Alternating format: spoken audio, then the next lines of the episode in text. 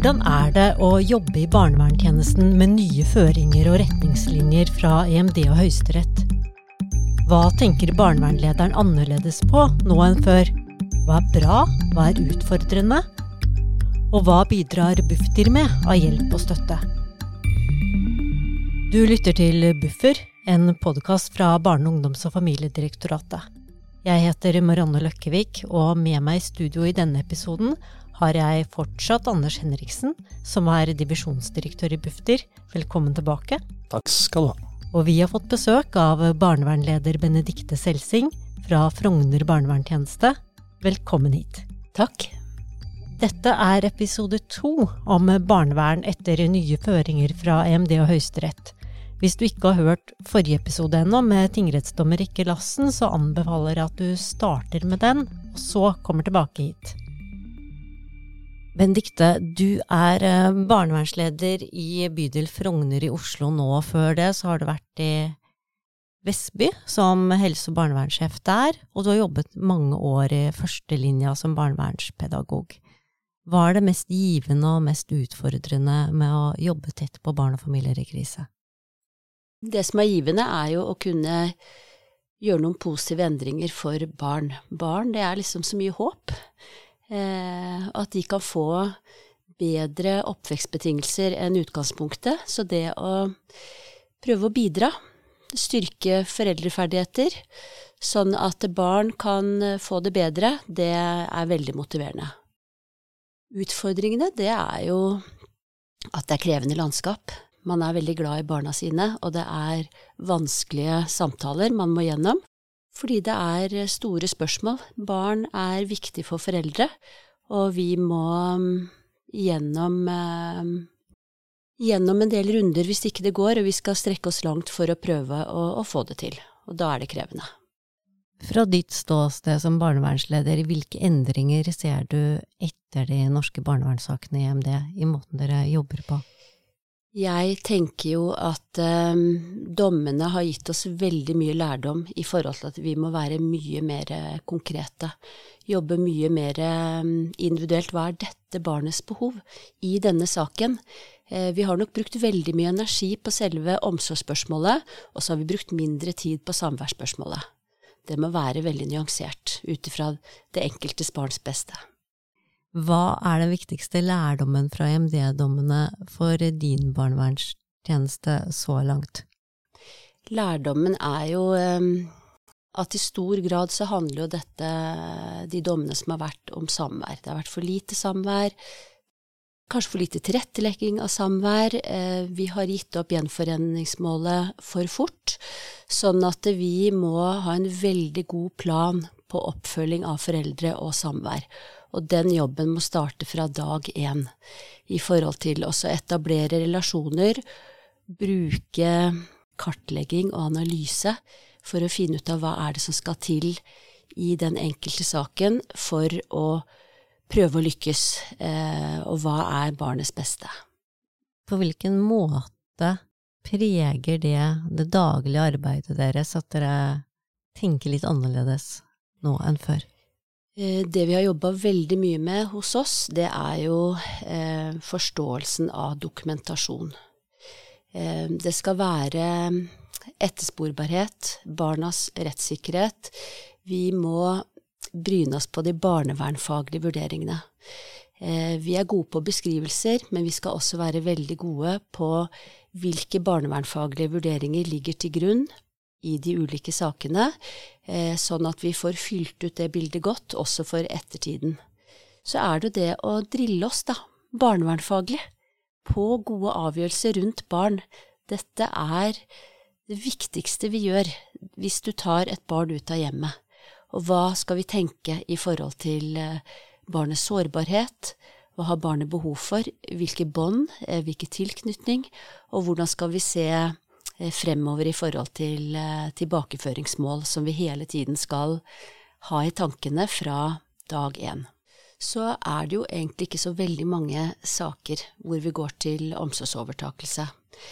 I stor grad så hjelper vi veldig mange foreldre med å ha barna sine hjemme, eh, og hjelpe dem med verktøy til å øke foreldreferdigheter. Men i de sakene hvor vi må gå til omsorgsovertakelse, så er det saker vi tar på høyeste alvor og bruker mye tid på å drøfte og diskutere. Så har vi innført de siste årene eh, løpende barnevernfaglige vurderinger. Fordi at vi ser eh, historisk, så har vi kanskje ikke vært så flinke på å skriftliggjøre, begrunne de avgjørelsene som er foretatt av tjenesten. Og det er fryktelig vanskelig å komme i etterkant og lurer på hva er det egentlig som er tenkt her. Så det er et, um, et dokument som vi, hvis vi endrer eh, retning, eh, vi har forsøkt noe, hvis det er noe viktig som fremgår i saken, så skal det stå i dette barnevernfaglige dokumentet. En vurdering på hva er det vi har tenkt, og hvorfor har vi tenkt det. Disse dommene de stiller jo krav til, til tjenestene på det du er inne på nå, på å gjøre gode vurderinger. Eh, og det å veie hensyn opp mot hverandre. Eh, er, det, er, det, ting som er, er det mer ressurskrevende eh, for en tjeneste, eller er det sånn at man på en måte får noen gevinster ved at man man vet hvor man er i sakene, og at uh, Det er jeg litt, litt, nysgjerrig på. Uh, vet ikke om du har noen tanker om det? Akkurat nå så føler man at det er arbeidskrevende. De nye sakene tror jeg Eller de sakene vi har de siste årene, er veldig gode. det har vært et veldig gode grunnlag i forhold til samvær, og det har vært mye mer spesifikt saker fra tidligere, hvor vi er kanskje i stadig nye rettsrunder, bruker vi mer tid på, for vi har kanskje ikke vært så flinke. Vi har kanskje ikke vært så flinke med dokumentasjon og følge opp biologiske foreldre, og faktisk se på hva er riktig her i forhold til samvær, blir samvær fulgt opp, hva kan vi gjøre for å tilrettelegge, og hvordan kan dette samværet bli bra for foreldre og barn. Sånn at eh, jeg tror framover så vil eh, disse dommene spille oss mye mer gode, for vi blir mer eh, spissa i forhold til hva er viktig å jobbe med. Og den nye loven òg, syns jeg er veldig fin i forhold til både barnets stemme eller barns medvirkning, samarbeid med foreldre. Vi skal ha en klar plan i forhold til oppfølging, og vi skal også ha en plan, det er en forskrift nå som er ute til høring, i forhold til en plan i forhold til fosterforeldre. Det vil hjelpe oss med en strukturering av arbeidet. Så fra du startet å jobbe med barnevern og til nå, hvordan opplever du at kravene til prosess og dokumentasjon har eh, endra seg? Nå har jeg jobba i barnevernet i 27 år. Um, det var nok kanskje litt mer hands on. Du reiste ut, du jobbet med familiene, og så har man jo sett da at hvis du går tilbake i enkelte barnevernssaker, så er det ikke så lett å, skjønne alt som skjedde i den saken. Vi kan ikke jobbe på den måten. Det må være en god dokumentasjon, for det handler jo om rettssikkerhet, etterprøvbarhet for eh, den saken gjelder, nemlig barnet. Sånn at eh, nå så har det jo vært en ja, det har jo vært en betydelig endring de seinere år i forhold til hvor viktig er det med denne dokumentasjonen. Vi skal ha forsvarlige tjenester, og dokumentasjon er en stor del av forsvarligheten rundt en barnevernssak. Hva er blitt bedre, og hva har eventuelt gått tapt, tenker du? Jeg tenker jo den dokumentasjonen er utrolig viktig, fordi det handler om eh, det viktigste avgjørelsen i barns liv, sånn at de setter seg ned i etterkant og kan skjønne historien sin. Så er det jo hvis det, det blir sykefravær og turnover, så skal man jo skjønne saken. Men klart, i eh, barnevernstjenesten så vil jo nok noen oppleve at dokumentasjonen er til hinder for relasjonsarbeidet og det å ha kontakt. Så man må finne en god balanse, så man får til begge deler. Anders, du har eh, tidligere sagt noe om at du tenker at eh, mangelen på konkrete beskrivelser kan være et uttrykk for omsorg for eh, de det gjelder også? Jeg har i hvert fall reflektert rundt, om ikke beskrivelsene, så kanskje vurderingene som gjøres av foreldre i, i noen saker. Eh, at man kanskje noen ganger kan være fristet til å kanskje ikke beskrive det som så alvorlig eller så elendig, hvis man kan bruke et sånt ord, eh, som det det er, for å rett og slett spare eh, foreldrene, fordi man ikke ønsker å sparke på, på mennesker som ligger nede. Og det er veldig og det er på en måte en fin ting. Uh, at man ikke ønsker å gjøre ting verre enn det det er. Og kanskje også særlig med tanke på at man skal ha et samarbeid videre uh, med disse foreldrene etter en omsorgsovertagelsessak. Men samtidig så ser man at hvis man på en måte ikke er tydelig og ærlig på beskrivelsen av hvordan situasjonen er, så kan det også ende med at når da f.eks. EMD skal se på dokumentene i ettertid, så reflekterer de ikke nødvendigvis kanskje helt og fullt situasjonen sånn som den var. Ja, jeg har jo veldig tro på en åpen og ærlig dialog med foreldre. Eh, det å pakke inn ting, det blir eh, vanskelig å forholde seg til. Eh, og man blir usikker på hva er det egentlig tjenesten mener. Sånn at åpen og direkte tilbakemelding, tydelighet i forhold til hva er det som fungerer, hva er det som ikke fungerer, og tydelige beskrivelser tror jeg er viktig. Det er vanskelig å forholde seg til uh, ting som er innpakka, og jeg tror at vi vil framstå som en tryggere tjeneste òg, hvis vi sier med rene ord hva det handler om, på en så god måte vi kan gjøre det på. Uh, og en annen ting som jeg tenker, når det gjelder snakker om dokumentasjon uh, og vurderinger, så, så, så, har jeg også troa på at det å bli tvunget til å sette seg ned å skrive ut en vurdering, det er ikke bare for, eh, for eh, rettssikkerheten og for etterprøvbarheten, men også, jeg tror også det er en, eh, en måte å øke kvaliteten på og bevisstgjøre deg selv på hva slags vurderinger og hvordan har jeg vektet forskjellige hensyn opp mot hverandre i denne alvorlige saken. Så jeg tror det er gevinster å hente også på det, det området.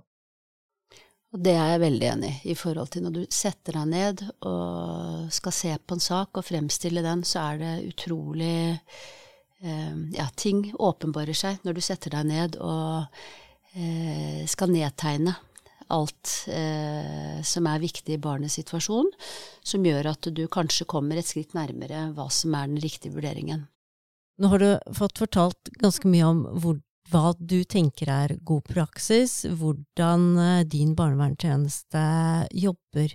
Og så lurer jeg på, hva er du opptatt av å formidle til saksbehandleren hos deg at uh, føringene fra Høyesterett og EMD ikke betyr? Det som er viktig, er jo at de er enig i at barn ikke kunne bo hjemme. Det er ikke det de kritiserer. Eh, og det er jo litt sånn når du leser i presse, man kan jo bli litt matt som barnevernsarbeider, og kanskje litt motløs, men at vi må fortsette den gode, viktige jobben i forhold til det utsatte barnet. Og så må vi heller bryne oss faglig på å komme med disse gode vurderingene, sånn at vi blir lyttet til i retten og blir tatt på alvor i forhold til de vurderingene som gjøres, og de skal være gode. Så budskapet er eh, at vi må ha tro på sjøl i forhold til eh, å gjøre en god jobb for de utsatte barna. At ikke det handla egentlig om spørsmål om omsorgsovertakelse. Er det noe som bekymrer deg i eh, forhold til eh, den mer nye måten å jobbe på, Benedicte? Det som har vært litt krevende, det er at vi har fått mye samvær. Vi har samvær opptil over 70 samvær i året. Det er krevende logistikk. Der er det jo tatt vurderinger ikke sant, i forhold til hva som er barnets beste i forhold til disse foreldrene. Men eh, det får en stor innvirkning på et barns hverdagsliv. Og så får det en stor innvirkning på det å være fosterforeldre. Eh, det å være en vanlig familie som tar inn et barn eller to hvor du da kanskje må legge til siden en del av familielivets aktiviteter for å tilrettelegge. Det er krevende, og det er også krevende eh, å stå i de eh, dialogene rundt eh, denne logistikken. Mm. For det, det Høyesterett har sagt her, er jo at barnet ikke skal eh, oppleve en urimelig belastning. Hvor kompleks, hvor hvor vanskelig er den vurderingen for barnevernstjenesten å, gjøre? Kan du si noe om det?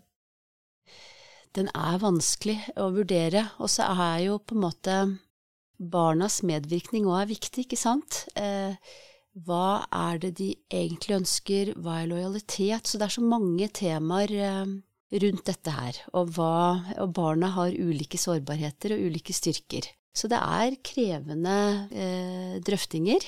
Og det er noe vi bruker tid på, og må bruke tid på, sånn at vi går i rettsprosesser og er trygge på våre forslag. Og så ser vi jo noen ganger at da øker jo samværet, og så må jo vi da tilrettelegge for at samværene skal være gode, best mulig, eh, og veilede foreldre på å få til de samværene som eh, blir bestemt av retten. Men er det sånn at du tenker at det er en risiko for at det vipper over til for mye samvær, eller hvordan tenker du rundt det du, når du refererer til 70 ja. samvær i en sak? Tenker du at det er en risiko, eller tenker du at vi er på rett vei? Jeg tenker at det er en risiko, i forhold til at det, det kan bli for mye noen ganger.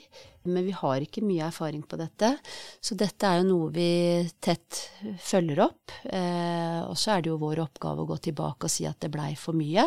Vi må jo følge tett med på disse sakene, men eh, det har jo blitt økte samvær for flere barn, og for veldig mange barn og foreldre så er jo det et gode. Og det er jo mye enklere å tenke gjenforenings- eller tilbakeføringsmål, fordi at eh, du har en aktiv relasjon og får jobba med ting og dilemmaer og styrka foreldreferdigheter underveis. Men, eh, men, det kan gå i den andre grøfta. Så det, det er noe vi må bare følge med på og gjøre gode vurderinger ut ifra den konkrete saken. Eh, så er jeg redd for at vi eh, vil ha større utfordringer med å rekruttere fosterhjem. At de eh, gode, vanlige familiene som tar imot en til, tenker at dette blir for krevende å forholde seg til. Og at ikke de tenker at det å være fosterhjem er aktuelt for dem.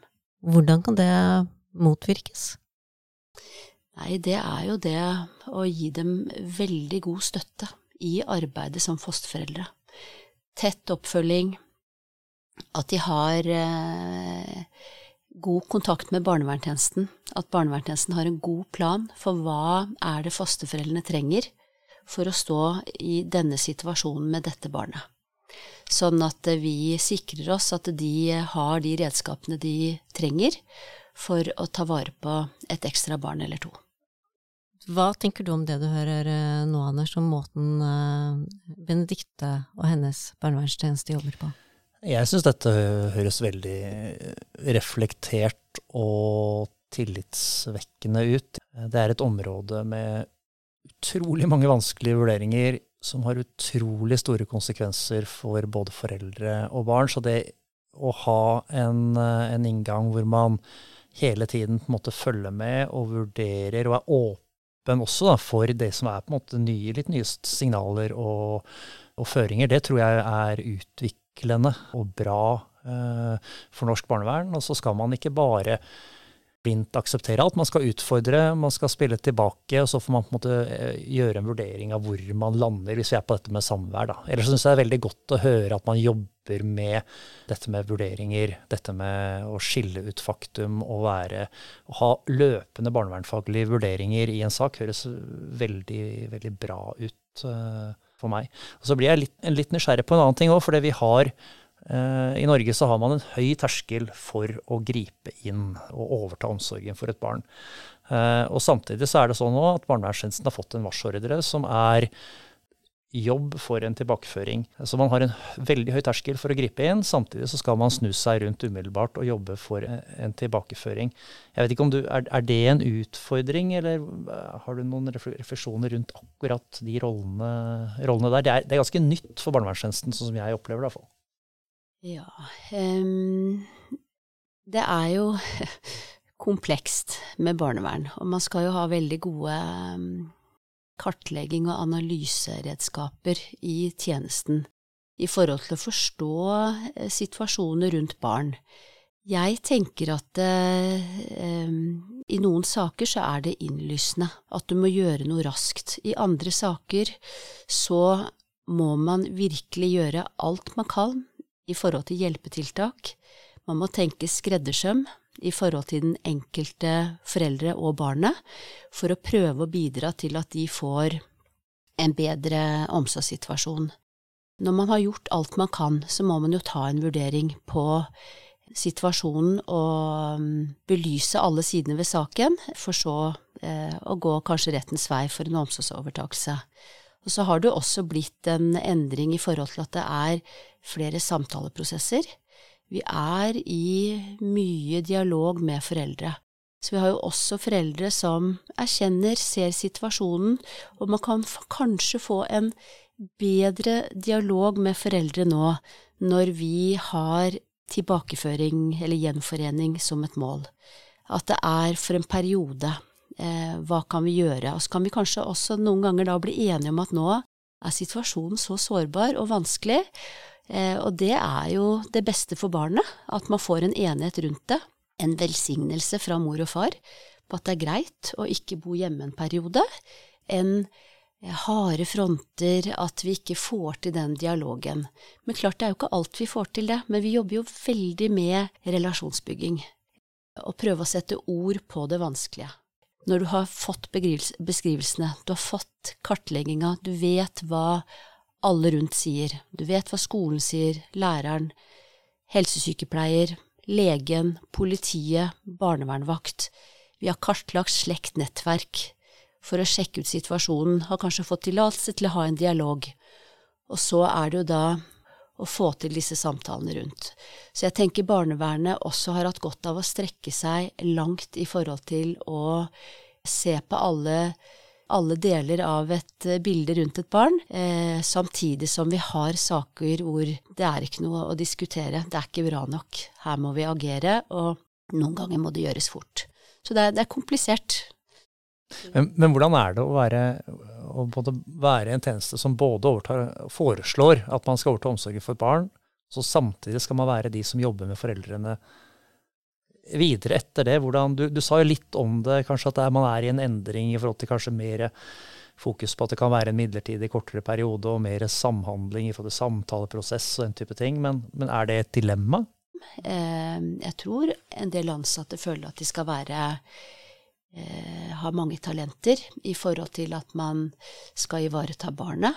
Man har eh, nettopp eh, stadfesta at det er ikke bra nok, men samtidig neste tanke er og hvordan kan vi få løst det slik at barnet kan komme hjem igjen.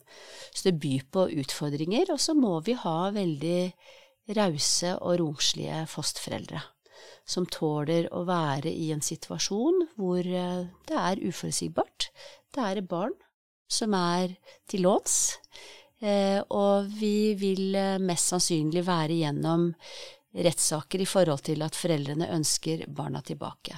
Men da tenker jeg at i hvert fall vi skal gjøre vårt ytterste for å ha en god kartlegging, dokumentasjon og oppfølging av hvorvidt det er mulig eller ikke. Og hvis ikke det er mulig, så skal vi ha veldig gode barnevernfaglige argumenter for hvorfor barn ikke kan vende hjem igjen. Og vi vet jo at foreldre er veldig viktig for barn. Veldig mange barn søker tilbake til opprinnelsesfamilien sin når de er eh, voksne. Hva ønsker du deg fra Bufdir at Bufdir skal bidra med?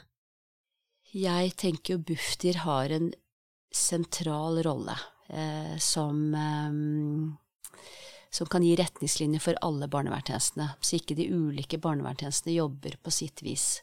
Så jeg setter jo veldig pris på alt som kommer sentralt, fordi det er fryktelig mange spørsmål, og du har stor bredde i ansattgruppa. Så det er um, det er mange ting man lurer på. Sånn at uh, alt fra saksbehandlerrundskriv, um, nye, nye fagprogram som er på trappene, uh, jeg tror hjelpespørsmål der vil være særdeles fint, særlig når du er ny og ikke klarer å tenke på alt i denne komplekse virkeligheten. Så liker jeg godt det siste eh, retningslinjene i forhold til samvær. Det hjelper oss til å utføre bedre fag i eh, tjenestene. Så fortsette med det. Mm. Og hva har uh, Bufdir uh, egentlig gjort i forhold til å prøve å hjelpe tjenestene og handle i tråd med føringene fra EMD og Høyesterett, Anders?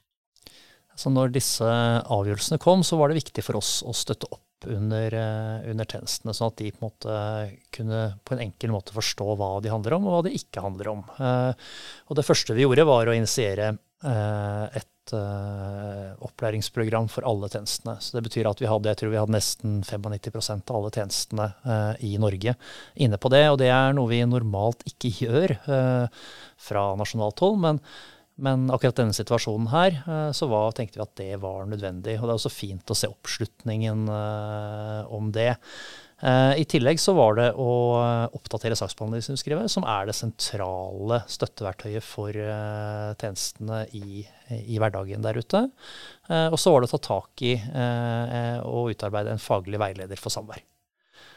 Samvær er jo veldig sentralt i disse dommene som en type begrensning utover en, en omsorgsovertagelse. Så hvordan tjenestene skulle gjøre disse vurderingene og støtte opp under det, det var viktig for oss. Og så hvis vi løfter blikket da litt fremover nå, kom, nå er det trådt i kraft en ny barnevernslov. Det er også noe som støtter opp under, under disse EMD-avgjørelsene og tydeliggjør dette. Og eh, videre så jobber vi nå med å lage e-læringsverktøy for eh, tjenestene eh, når det gjelder saksbehandling og de juridiske vurderingene. Og så er det BFK, som vi håper at etter hvert alle tjenestene vil ta i bruk. Og det vil gi støtte i hverdagen for den enkelte saksbehandlinger step by step, både på hvilke vurderinger skal gjøres, og støtte direkte inn i saksbehandlingssystemet.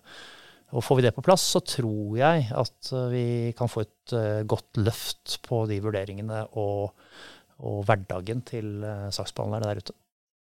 Ja, der skal det komme både hjelpespørsmål og annen godt tilpassa veiledning som er laget for å passe inn nye fagsystemer. Og for de som er nysgjerrig på det, var de to første episodene av Buffer hvor vi forteller i detalj hva barnevernsfaglig kvalitetssystem er eller sjekk bfk.bufdir.no for å bli bedre kjent med denne fagstøtten allerede nå. Og i episodebeskrivelsen til denne utgaven av Buffer så finner du lenker til både veilederen, de digitale kursene og en ny forskningsrapport om samvær. Du har hørt Buffer, en podkast fra Barne-, ungdoms- og familiedirektoratet med barnevernleder Benedicte Selsing divisjonsdirektør i Bufdir Anders Henriksen, og meg, Marianne Løkkevik. De neste episodene av Buffer kommer om to uker. Der skal vi snakke om bruken av familieråd i barnevernssaker.